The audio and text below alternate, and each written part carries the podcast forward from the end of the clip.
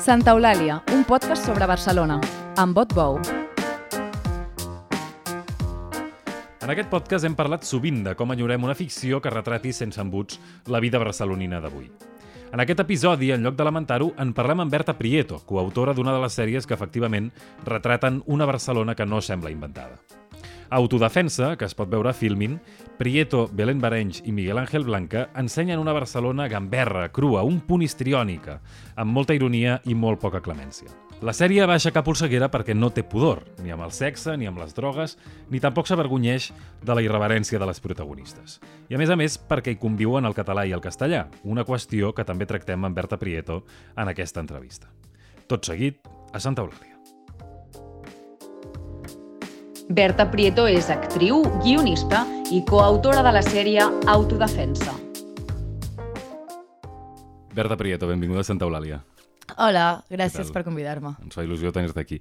Uh, escolta, avui volem parlar d'autodefensa, la, la sèrie que vas fer amb la Belén Barenys, um, però aquest podcast va sobre Barcelona. De fet, Autodefensa és una de les sèries de ficció, comèdies sobre, que s'han fet recentment sobre Barcelona amb un punt de realisme.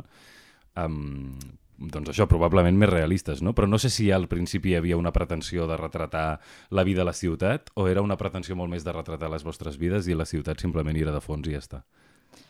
Em... Clar, jo sí que penso que té molt de pes Barcelona, però crec que ha aparegut com d'una forma... ha aparegut com d'una forma bastant inconscient. La, la primera intenció sempre era com fer una cosa bastant d'autoficció i bastant més semblant al documental i, i jo crec que amb aquesta pretensió com de realisme i de naturalisme i també els pocs recursos que teníem um, la ciutat era com super escenari, tipus rodàvem al carrer sense permisos, eh, moltes escenes que potser ens hagués agradat localitzar en un interior eren una plaça o una porta. I, I també crec que és una sèrie que retrata molt l'oci d'aquestes dues amigues i d'un tipus de, de joves que existeixen a Barcelona, llavors inevitablement pues, la vida de nit passa fora de casa i també així retrata la ciutat. A la, amb les crítiques us han, us han parlat molt, us han descrit molt com eh, modernes, descrivint el seu ambient, com si... Bueno, us sentiu còmodes amb aquesta etiqueta? Jo és que crec que sóc tan poc moderna, o sigui, entenc que algú que no està dins del moderneu de Barcelona pensi que som unes modernes, però de veritat hi ha gent molt, molt més moderna i molt, molt més insuportable. Um, Què- és per tu l'ambient modern de Barcelona? no, vull dir, com que Quin perfil és? pues, aquestes que es dediquen com a fer coses com de moda, que vesteixen raríssim, que viuen a naus industrials de l'Hospitalet, que, que tampoc mai fan res gaire com narratiu. Vull dir, per exemple, la sèrie, no crec que sigui una sèrie de dos modernes, però jo crec que és molt clàssica i molt narrativa en molts sentits. Llavors això em sembla com que és bastant antic o bastant instaurat. O sigui, crec que sí que fa una aposta formal i crec que sí que nosaltres tenim un entorn desacomplexat i jove, però no sé si és com super modern, perquè per mi modern vol dir una altra cosa que és més despectiva que guaiona, saps? Potser en el, en, el, en el cas de modern, no sé si estem d'acord amb això, però ja en, els, els moderns són menys autoirònics, no? O sigui, Clar, són, clar. són menys autoconscients. Clar. Les coses que vosaltres feu rient-vos de vosaltres mateixes, ells les fan potser seriosament, no? Sí, 100%, i a mi m'ha passat molt um, estar en ambients com de moderns que jo considero els moderns reals, fer-los com una broma sobre ells mateixos i que em miressin raríssim del pal. Tia, què dius? Eh, va en sèrio? I jo pensava, uau, uau, vale, vale. Aquí, o sigui, com ningú, ningú fa servir la ironia, és veritat, i ningú... O sigui, no crec que hi hagi tant de sentit de l'humor, i crec que la sèrie té molt de sentit de l'humor, i que en el moment on ens mostrarem com a modernes, que, a veure, és veritat que una mica modernes sí que som, tampoc diré com del rotllo, no? Si som unes monges de no sé on. Quin exemple més raro. Però mm, que crec que, que ens en riem molt de nosaltres mateixes i crec que també ens en riem molt o posem en dubte molts discursos com woke que tenen molta propaganda i molt d'èxit a Twitter de modernos total i que nosaltres qüestionem bastant, llavors, no sé. Com contra un punt d'ingenuïtat i, de, i, de, i de blancor. Sí, potser sí. bueno, vull dir com, no sé, crec que qüestionar la cultura de la cancel·lació no sé si ho faria qualsevol moderna, saps? Ja. També deia això de Barcelona perquè hi ha una, hi ha una relació molt particular amb l'espai públic, per exemple, al final de tot hi ha, eh, tu i la Belén pixeu, diguem-ne, no, no sé si és el Carmel o no sé quina part de Barcelona és, però diguem-ne amb una baixada que hi ha una certa perspectiva de la ciutat, després hi ha un moment, que un capítol que a tu et costa molt tornar a casa, que et rentes les dents, que entres en un colmado pakistanès i et rentes les dents, al mig, et compres una ampolla d'aigua i al mig del carrer eh, te les rentes, hi ha un moment que eh, xiscles aquí al costat a la plaça dels Àngels i no, em sembla que a plaça Catalunya també, quan també parleu de Sí. l'ansietat aquesta relació amb l'espai públic, bueno, no sé si és la que tens de veritat, però com a mínim mm, és curiosa perquè no, no és freqüent amb les ficcions d'aquest país. Ja, bueno, jo crec que les ficcions d'aquest país no serien exemple de gaire res, perquè sempre que es fan com retrats de joves, es retraten com les seves habitacions plenes de pòsters raríssims que cap jove ha tingut mai.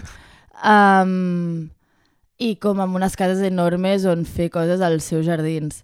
A mi em va passar que quan vaig venir a viure aquí a Barcelona, als 18 anys, um, jo vaig anar a viure a Cornellà de Llobregat me- amb els meus avis perquè els meus pares em van dir que ni de conya em donarien pasta per llogar un pis, que els semblava una pijada i jo en aquell moment no tenia diners. Llavors em van dir que o n'anava als meus avis o em quedava a Salrà. Eh, I clar, com que vivia a Cornellà, jo vaig passar com moltes hores eh, rondant com per Barna perquè era un pal tornar a Cornellà i tampoc em sentia super còmode, tipus de vaig a passar la tarda a casa meva a llegir una estona. I crec que és com, un, o sigui, com una cosa de que o sigui, com que a mi se m'ha quedat molt de passejar i anar por ahí com a llegir o a fer un cafè sola o a pensar en les meves coses perquè també, per exemple, ara que ja he aconseguit viure sola com una persona gran, um, igualment comparteixo pis amb tres persones. Llavors, com, tampoc és com casa al lloc d'intimitat a saco. Però et I continua sí- passant, eh? Ara, sí, ara que sí. vius aquí a Barcelona et continua passant aquest, aquests, aquests, mm, aquestes passejades llargues i tranquil·les per la ciutat. Sí, a veure, ho faig menys i m'agradaria fer-ho més, però o sigui, al principi era com per una qüestió de supervivència, de no poder agafar el metro eh, quatre vegades al dia per fer 40 minuts de trajecte. I, mm, I ara també és com perquè crec que tinc, sento més intimitat com a, envoltada de molta gent que, que a casa meva, que hi ha com tres persones, però tres persones que conec i que em poden interpel·lar. Pel carrer, en realitat, estàs super sol, ningú t'interpel·larà. És que ho vaig trobar un punt romàntic, aquesta, aquesta mena de, de, com de metàfora de l'Odissea. Bueno, és molt pedant això, però és així, no? Com de cada vegada tinc un, un entrebanc diferent per tornar a casa, perquè en realitat semblava una cosa que tu estiguessis fent malament, no? o que tu tinguessis un problema amb tornar a casa, però en realitat és una cosa que no, no podem fer el, en el nostre dia a dia, la majoria de gent que vivim a Barcelona. O sigui, aquesta, mena de, aquesta manera de relacionar-nos amb la ciutat i de gaudir i d'un punt d'imprevisibilitat amb els plans que fas i de que se't giri el dia, o és un dissabte, o és l'estiu, o és una cosa molt poc, molt poc Ja, freqüent. No? dius perquè tothom treballa i té horaris com supermercats, de la feina a casa, de casa a la feina. I perquè vas molt a remolc de les coses, no? No ho sé. Sí, bueno, jo crec que també com, com que la meva professió és rara, jo sí que em puc permetre un dimarts anar a passejar si em dóna la gana. I també molts cops ho sento El com... privilegi dels artistes. Sí. Eh, no, i també com... Clar, amb aquesta cosa de, de ser de poble, jo tenia moltes ganes de venir a viure a Barcelona. O sigui, tenia moltes ganes de ser un main character abans de que la gent comencés a dir que era el seu, seu main character, saps? Eh, I llavors com també hi havia un punt quan jo vaig començar a fer com aquestes passejades de romantitzar a saco la ciutat i de romantitzar-me a saco a mi mateixa, saps? Rotllo... Eh, amb, o sigui, jo feia coses a nivell posar-me superguapa i anar a passejar. I era molt curiós perquè, bo, això no ho he explicat mai, però com veu molt això d'autodefensa de- d'aquestes passejades per Barcelona, d'anar a plorar pel, pel centre, no sé què, era perquè no volia plorar que dels meus avis i um, perquè de cop jo tenia com molt la paranoia de que un dia de cop em posava superguapa, anava a passejar com pel centre i lligava amb gent rara, saps? I tio, t'ho juro que em passava. Bueno, no sé, era com aquesta fantasia de eh, ser la protagonista d'una ciutat gran que en el meu poble no podia fer perquè si jo me'n vaig a passejar pel meu poble fent mala rareta, segurament el, un, quan porti un minut caminant... Et preguntaran si estàs eh, bé, no? Què fas? Saps? A mi em va fer pensar una mica amb, amb, amb Vicky Cristina a Barcelona, aquesta, aquesta escena de tornar cap a casa, perquè hi ha, hi ha, hi ha un moment que també passegen per... Però és una cosa totalment irreal. A més, sona aquella cançó de, de, de Julia i les, i les tallarines, o no sé, no me'n recordo com es diu el grup, però una cançó que ningú a Barcelona escoltaria, Ja. com, una, com una cosa totalment desenfocada. I en realitat, sí, potser sí que era un punt... Potser per part teva sí que hi havia un punt de romantització, però en canvi era una Barcelona molt més real, no? Clar, no, i jo crec com que per part meva hi ha un punt de romantització amb aquestes escenes, però que la gràcia i la ironia és que segurament en tots aquests moments de deliris de grandesa que he tingut passejant per la ciutat, si em mires des de fora sóc una persona fent el ridícul 100%, saps? Eh, I això crec que també la sèrie ho ensenya molt, rotllo. Crec que és interessant de la sèrie d'aquesta tornada a casa, per exemple, que molts cops i això és com un aprenentatge que he fet com, com a guionista, crec, com que molts cops tu vols fer mm, coses d'autoficció intentant ser molt fidel al sentiment que vas tenir en aquell moment quan vas viure allò o quan vas viure aquells seguits d'escenes, que no cal que siguin superreals les que es mostren a la sèrie, però sí que parteixen com d'un sentiment real. Però crec que és interessant com agafar la distància i la perspectiva, i si no vols ser irònica, doncs no ho siguis, però com, com a mínim distància i perspectiva del sentiment real, perquè si no Després jo tinc molt la sensació de que quan es fan coses com molt naturalistes o molt d'autoficció des de dintre, mm -hmm. queda un pastitxe raríssim, que ningú entén les emocions perquè el propi autor la pròpia autora no ha sigut capaç de distanciar-se i de dir, vale, jo poder en aquell moment passejava sentint-me la més guapa i la més xula, però realment era la més guapa i la més xula? Doncs pues mira, segurament és un mig-mig entre sí, no, no sé, tal, saps? M'interessa molt també aquest, aquesta mena de procés d'alliberament, no sé si ho diries amb tanta pompa, però de, del fet d'haver vingut a viure a Barcelona quan tenies 18 anys no sé si, per exemple, en la, en la cerca de que la sèrie sigui una cosa molt políticament incorrecta o molt, eh, doncs això, un punt gamberra, hi havia com part d'això. De... O, o sigui, respon a la teva, a la teva vida, també. Eh? Si, si en el moment de, de Barcelona vas fer un canvi de caràcter i et vas tornar així, o sigui, sí. era una cosa que ja portaves dins. L'altre dia que estaves al Real Estiu fent una birra amb una monitora meva de l'Esplai, em va dir així com Bueno, Prieto, ja se sabia que tu acabaries a Barcelona, perquè com jo et veia per aquí Salrà i ningú entenia com ben bé què feies aquí, saps? O sigui, sí, jo estic, he sigut molt feliç de Salrà, però sí que ja era una nena una mica excèntrica en general i una mica notes. Llavors, com tenia bastant... O sigui, com a ningú li va sorprendre molt que jo vingués aquí, però per mi sí que va ser bastant, bastant alliberador, però en el sentit més... O sigui, no, no sento eh, que, que per ser de poble tingués una adolescència com reprimida o com que no experimentés coses que, que potser la gent de ciutat sí que hauria experimentat. De fet, al revés, o sigui, com crec que sent de poble tens una adolescència molt més lliure i una joventut molt més lliure perquè hi ha com menys perills. Llavors, com... I llavors el fet de venir a viure aquí en quin sentit és alliberador? En Clar. el sentit del, del, del caràcter? O... No, o sigui, per mi va ser alliberador, uh, en la manera de vestir, que això va estar guapíssim perquè era com que jo volia vestir rareta una mica per ser de poble i tal i era insuportable perquè anaves al bar i tothom et deia quins pantalons més macos? I és com pff, que això ho hem parlat molt amb amigues del poble també. I també per mi va ser alliberador i va ser molt enriquidor perquè eh, tenia a l'abast eh, molta cultura i podia anar al teatre sempre que volgués, podia anar a expos, podia anar a llibreries xulíssimes i, i això em feia sentir com gran i, em va, ser, i o sigui, com va ser com super enriquidor ho anava a veure tot quan vaig arribar perquè tenia la sensació de dir, buah, per fi no he d'agafar un tren de dues hores per venir aquí al teatre, que era el yeah. que feia, i, i em semblava un superprivilegi, em semblava superdivertit, vaig conèixer molta gent com molt interessant, que en aquell moment em semblava molt interessant. Ara pues, ja he crescut i no seria tal, però... Bueno, perquè en aquell moment segurament els associes amb, amb, amb les ganes que tens tu de fer coses Clar, i, amb, i amb el canvi que tu mateix sí, estàs fent. Sí, 100%. O sigui, no ho vist com, com un rotllo de Buah, vas canviar de personalitat perquè vas venir a viure a Barcelona. Crec que simplement es va juntar que als 18 anys tots estem madurant i sí. qualsevol canvi que facis pues, serà, o sigui, serà transcendent a la teva vida. I, però sí que vaig jurar molt això del pal, de la manera de vestir 100% i de, i de l'accés a la cultura. Em semblava increïble. I com, aquesta, com una dualitat entre el que et pots expressar millor i que, tens, i que les, teves, les teves aspiracions potser a banda de les expectatives canvien, no? Sí, Sí, suposo. Quan estaves fent la sèrie, eh, tenies, una, tenies una por diferent o una preocupació diferent sobre com rebrien la sèrie a Salrà i com la rebrien el, els teus cercles de Barcelona, per exemple? Perquè és molt... 100%. És molt poc poderosa la sèrie, per exemple, amb, amb el sexe, amb les drogues. Clar. Eh, a veure, també vaig intentar no pensar gaire en com es rebria la sèrie en general, perquè tampoc tenia la sensació que l'anés a veure gaire gent. De fet, Eh, aquest estiu també molts amics meus de Salrà m'han confessat que no han acabat la sèrie, tot i que quan vaig al poble em diuen la famosa, però no l'ha acabat la sèrie.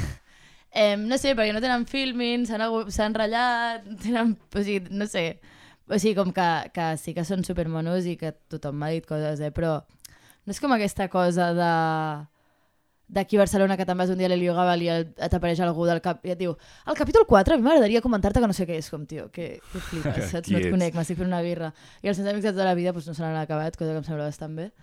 Um, I jo tenia por, sobretot, perquè m'arribaria a Salrà que jo fes una sèrie en castellà. I? Fatal, fatal, clar. Bueno, no, tampoc m'han dit gaire, però fatal. Perquè és una sèrie que la majoria de diàlegs amb, amb la Belén, la Belén també és catalanoparlant. Clar, no, la Belén, o sigui, la cosa és que jo uh, sí que sóc més catalanoparlant, bueno, jo sóc supercatalanoparlant, tot lo supercatalanoparlant que es pot ser. Eh, no, i la Belén um, sí que és menys catalanoparlant com amb el seu entorn més proper. Llavors ella i jo parlem en castellà entre nosaltres. A la vida real parleu en castellà. Sí. I llavors en el moment de fer la ficció la veu fer en castellà. Clar, I, però sí que hi ha algunes escenes... Això en el procés d'elaboració, de, veu, veu tenir dubtes, veu tenir contradicció amb això? Sí, vam tenir dubtes, perquè les escenes que hi ha en, en català són amb la gent que parlem català al nostre dia a dia. Per exemple, hi ha una escena d'un capítol de la Belén, aquella que, que té sexe amb aquell senyor... Sí, que té una fantasia amb una mena la de professor, Fantasia, sí. tal. Um, pues després quan torna a casa i xerra amb el seu nòvio, el seu nòvio de veritat, i ell és mallorquí, llavors parla en català entre ells en la seva relació de parella. Llavors, com ho vam rodar en català directament. Mm. Llavors el, planteja el plantejament que fèiem sempre era com rotllo. Quan és supernatural fer-ho en català, doncs ho fem en català tal, però sí que és veritat que hi havia molts moments que es podia escollir català o castellà i s'escollia castellà, saps? I per què? No sé, a la Belén i al Miguel Ángel els hi semblava més natural. Ja.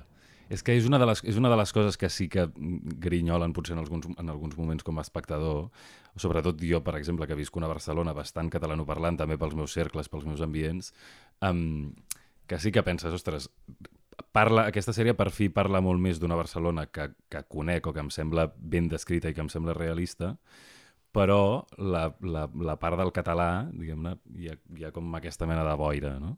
Sí, totalment. Em, jo crec que s'hagués pogut com incidir més, però també eh, era artificial per la Belén i el Miguel Ángel, que tenen com entorns més castellanoparlants. I llavors, clar, és molt curiós perquè molts cops tenim aquesta conversa amb la Belén i ella té molt el discurs de... No és per criticar-la, és com la seva experiència de... Eh, no, però si a Barcelona la gent parla català o castellà indistintament, saps? És com jo penso, això ho fas tu, però rotllo, els meus cercles més propers no ho fan, Um, bueno, és que realment d'amics amb qui parli castellà tinc la Belén i dos més, poder, saps? Llavors, que si com... no forces una mica el català, diguem-ne, la inèrcia, evidentment... Clar, la inèrcia, castellà, evidentment, però, et porta això, però no vol dir com que... És que crec que hi ha com molt aquesta creença, no?, que a Catalunya es parla castellà o català com 50-50, com una cosa quasi com molt psicòpata al pal. Ara sí. català, ara castellà. És mentida, saps? Eh, però ella sí que té aquesta experiència, aquesta sensació. Llavors, eh, no sé...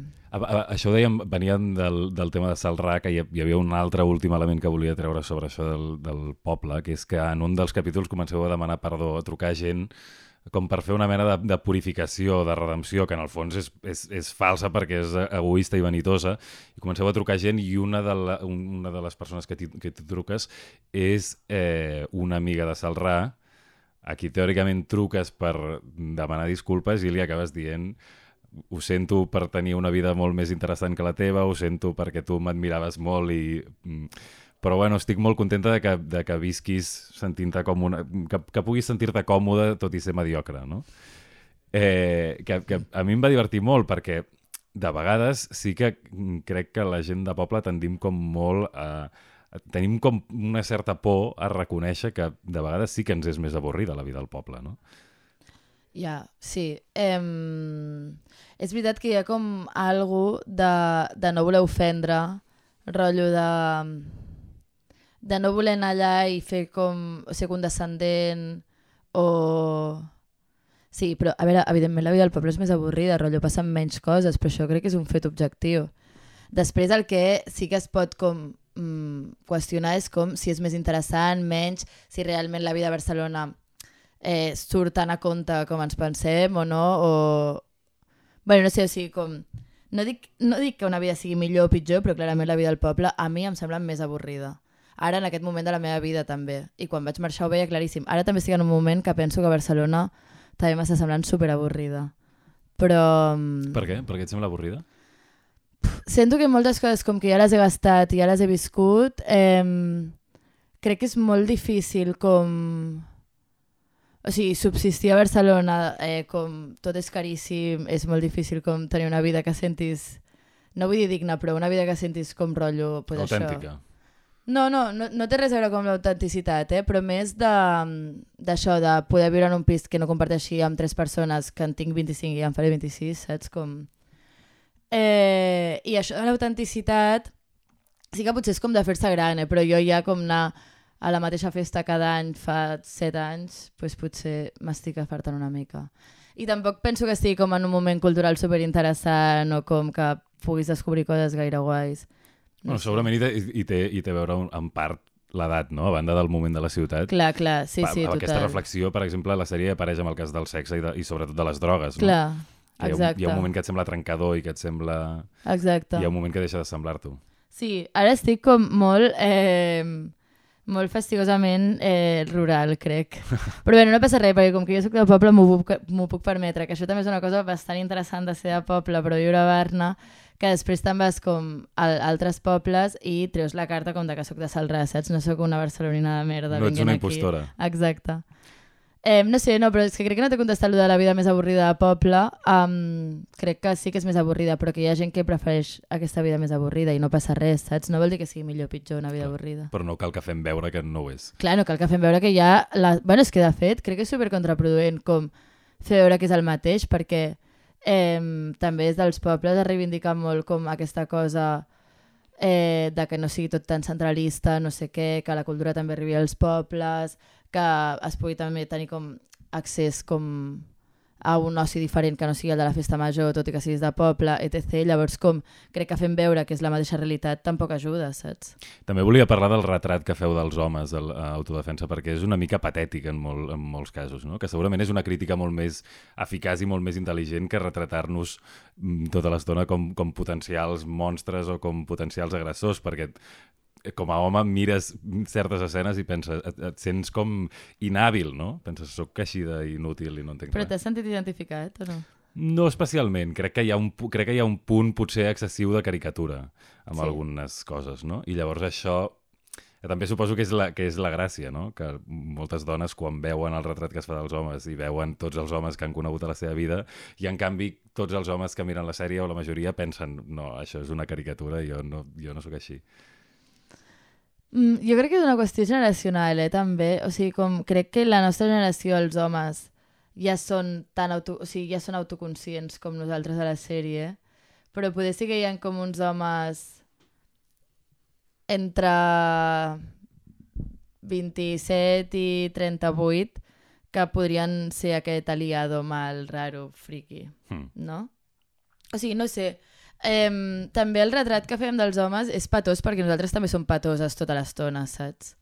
Sí, però sí que m'ha semblat que hi ha com una certa reivindicació de la, de la, de la, de la, de la part, no sé com dir-ho, de la sensibilitat, de la intuïció de les dones, de la intel·ligència de les dones en relació amb els homes, fins i tot quan estan deconstruïts, per entendre'ns, o fins i tot quan, hi ha, quan tenen aquest grau d'autoconsciència, perquè, per exemple, hi ha una escena en què, en què hi ha un home que gairebé pràcticament té un atac d'ansietat perquè es, pe- no està segura si la nit anterior tot el que va fer ho va fer de manera consentida, no? Sí que, pot ser que hi hagi aquesta reivindicació. Eh, de la... No, o sigui, no era tant com de la intel·ligència de les dones i tal, era més, potser sí que en una, un sentit com del patatisme dels homes, de... i crec que té molt a veure com amb l'autoconsciència de, vale, ja hem arribat a entendre que potser no està bé el que vaig fer ahir, però com que condueixo amb el teòric, que és una expressió que a mi m'agrada molt del pal, com de gent que té molt de discurs, però després de la pràctica tots són embolics, eh, penso que pel simple fet de que m'aturés perquè no volia follar, perquè no volia res més, això ja està malament, perquè m'ha dit que pari, si em diu que pari, jo vaig parar, ah! com que col·lapsa. Però, però crec que té més a veure amb que crec que els homes són menys autoconscients o han rigut menys d'ells mateixos. També nosaltres riem molt de nosaltres mateixes. I cosa que, cosa que crec que potser no és tan freqüent, però bueno, amb les meves amigues que no surten a la sèrie també riem molt de nosaltres mateixes. Bueno, i, i hi, ha molta, hi ha molta reflexió, hi ha molta autocrítica, per exemple, Sí. amb, amb, el, amb el feminisme hegemònic, no? Sí. Clar, també eh, crec que sí que hi ha un punt rotllo de que si aquesta sèrie l'hagués fet amb 18 anys seria molt diferent el discurs, però per exemple, com vam plantejar el capítol de d'actos col·lectius, el de l'abús de poder dins de la indústria del cine i tal, en parlàvem amb el Miguel Ángel, com de molts casos que ja han sortit, que ja m'està comentant i tal, i era com, vale, però a vosaltres us podria passar això ara? I jo sincerament vaig dir com del pal, mira, jo estic en un punt de que clarament ja no em podria passar, o sigui, no sóc gilipolles. Que és, perdó, Vull per, dir- pels oients que no ho hagin vist, és, una, és un Sí. capítol en què un director, diguem hi ha dues actrius, que sou vosaltres dues interessades en fitxar per la pròxima pel·li del director de moda, Exacte. i el director, diguem-ne, en un moment de conversa en què està negociant en el, seu pis eh, la seva entrada a la pel·lícula, intenta que accedeixin a fer un trio a canvi de, eh, Exacte. de dir-los que sí. I elles giren el xantatge i li acaben fent... L'han gravat i li, i li fan Clar, el xantatge. i llavors el debat està com, com has de respondre davant de... Però el que mai va ser el dia el debat és com de si nosaltres um, entraríem en aquest joc que ell proposa o com que ens pillaria per sorpresa de l'abús, saps? I com... Això crec que sí que és com una qüestió de l'edat i una qüestió de... Bueno, com de- d'estar de, més polititzades i més preparades en aquest sentit, rotllo, no em, no vull dir que no em crec que no pugui passar o que no li pugui passar a una noia de la meva edat, però crec que també els personatges que ensenyem a la sèrie serien molt estranys si de cop aquest pavo ens seduís amb aquesta escena patètica de la meva pel·lícula no sé què, no sé quantos. Sí. I us feia por potser un retrat una mica victimista d'aquesta Sí, mena de situacions. molt. Bueno, però perquè... Um, eh, sí, és com delicat parlar d'això, però crec com que realment a nivell feminista no fa gens de favor als discursos que s'instal·len com en el victimisme, perquè des d'exposar-te com a víctima i des de construir-te la teva identitat com a víctima crec que no... O sigui, crec que t'infantilitzes i com perds agència de, de tenir un discurs com més propositiu, saps? En, en aquest sentit. Sobretot retratar les dones com, com inevitablement indefenses, no? Exacte, exacte. O sigui, jo no vull dir com del pal que, que no es pogués donar aquesta situació i que acabés amb un abús. Però jo, com a dona, també sóc com un altre exemple de que clarament no em podria passar, saps? Però per això és tan interessant també que el retrat dels homes apunti sobretot la seva, la seva faceta mm, patètica, perquè en el fons no els, estàs de, no els estàs deixant de treure poder. O sigui, de la mateixa manera que el victimisme, dius, les, la, per combatre el victimisme, dius, les dones no són inevitablement víctimes o inevitablement indefenses, dius, els homes no són inevitablement poderosos. Clar, 100%. I, mm, sigui, els homes no són inevitablement poderosos, tot i que tenen més poder, però després amb aquest poder són patètics, no saben què fer-ne, tampoc saben com, què fer per actuar bé o malament, què és bé o malament, també. Crec que la sèrie o sigui, és feminista, però també com fa una mica de, eh, tots fem el que podem, tots som bastant patètics, um, o sigui, menys en el capítol d'abús de poder, que crec que sí que hi ha com un discurs més clar, en els altres capítols crec que també hi ha com una mica de treva de, bueno, eh, aquestes dues protagonistes també són molt xules, els homes de la seva vida també fan el que poden i, i sobretot com en qüestions com més eh, de sensibles o de relacions o sexuals o d'amistat, etc. Vull dir, com de relacions humanes, al final tots n'estem aprenent una mica, saps? Llavors com crec que fem... I aquesta prevenció a l'hora de, de, de legitimar el victimisme, amb el cas de l'ansietat i de l'angoixa, per exemple, també el veu tenir, perquè és un tema molt recurrent tant en les converses de la nostra generació com a la sèrie. De fet, hi ha un, hi ha un capítol pràcticament dedicat monotemàticament a això, que hi ha com una taula rodona com d'alcohòlics anònims, d'ansiosos anònims, no? en què tothom va explicant els seus quadres ansiosos. I jo, I jo pensava, realment vols dir que tots estem... o sigui, Tots hem tingut ansietat, tots hem tingut estrès, tot el que vulguis, però vols dir que no en fem un gra massa de vegades? Amb això teníeu reserves? Clar, aquest capítol ens va costar molt, molt, molt, perquè mm, perquè era molt difícil com agafar distància i no, i no frivolitzar, però també eh, era molt difícil no caure en aquest victimisme de documental barato de la UNO de los jóvenes i l'ansietat, saps? Però sí que era un tema que volíem parlar perquè sortia constantment. Vull dir, moltes de les respostes que hi havia quan plantejàvem altres trames era com de ja, ja, però és que això em fa molta ansietat, saps? Llavors era com que estava allà tota l'estona i en volíem parlar. Crec que també ens vam curar una mica amb salut en aquest capítol quan, quan fiquem l'escena de la Belén que comparteix, bueno, perquè Sí. no ho hagi vist, hi ha un moment que la Belén té un atac d'ansietat i llavors eh, jo la filmo i ho, i ho penjo a l'Instagram. I és, és l'única cosa que aconsegueix relaxar-la, diguem. Clar, i és l'única cosa com que aconsegueix relaxar-la. Um, jo crec que... No sé si en fem un gra massa, si no, crec que és realment problemàtic que mm, quasi tots els meus amics o tots els meus amics hagin tingut ansietat o eh, afirmin haver tingut ansietat. Um, No en tinc ni idea, és un tema que ara mateix ja em fa una mica de pal, la veritat. Però, o sigui, com joves i ansietat, joves i salut mental, però crec que sí que era important tocar-ho i en aquell moment ens venia molt de gust. I crec que si, la, si fem algun tipus de crítica a aquesta cosa que potser en fem un gra massa... bueno, no, no sé si ens fiquem aquí, però sí que crec que hi ha alguna de d'això d'exposar-ho a les xarxes o d'aprofitar-se de l'ansietat o d'altres discursos de salut mental per tenir com un retorn positiu cap al teu perfil d'Instagram, per exemple, o cap a la teva persona, tipus, si jo et conec aquesta tarda i et dic ai, jo tinc moltíssima ansietat, tu faràs ai, Berta, que mona, i he guanyat com a, bueno, aquesta cosa que, que té la víctima, Sí, um, sí que, crec com que... que xarxes... Digues, digues, acaba. No, no, res, com que crec que això sí que, que ho critiquem i jo crec que això sí que es veu molt a la nostra generació, a les xarxes, però també a la vida. O sigui, estic farta d'aguantar unes turres de gent que va plorant tot el rato i t'acaba de conèixer.